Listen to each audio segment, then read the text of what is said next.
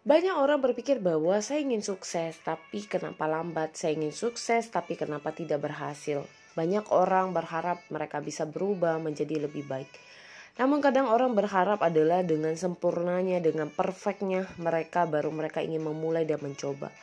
Hari ini bukan soal bagaimana Anda hebatnya, Anda jagonya, Anda mampunya, tapi bagaimana melatih diri kita untuk bisa berani berani untuk melakukan hal kecil, berani mencoba dalam hal-hal kecil yang mungkin kadang kita tidak tahu bagaimana hasilnya. Tapi mulailah dahulu dan yakin dengan diri kita.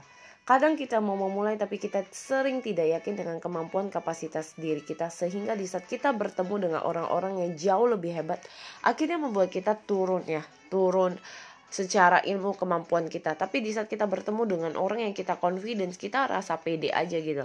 Nah makanya teman-teman ini banyak yang menjadi pertanyaan. Kenapa di saat saya sudah mempersiapkan yang maksimal saya ingin belajar berbicara komunikasi di banyak di depan banyak orang?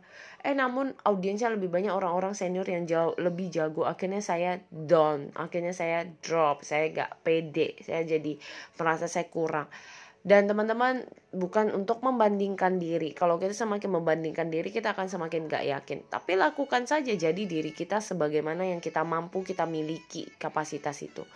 Untuk teman-teman mari lakukan memulai dahulu bukan menunggu hebat baru mulai. Dan yakin dengan diri kita. Karena dengan kita yakin, saya percaya kepercayaan diri atau itu atau keberanian itu akan meningkat, maka kita juga mampu untuk melakukan hal-hal yang luar biasa yang bisa menjadikan kita menjadi lebih baik dan kita bisa menghargai diri kita jauh lebih baik lagi. Semangat pagi, semoga bermanfaat buat teman-teman semuanya.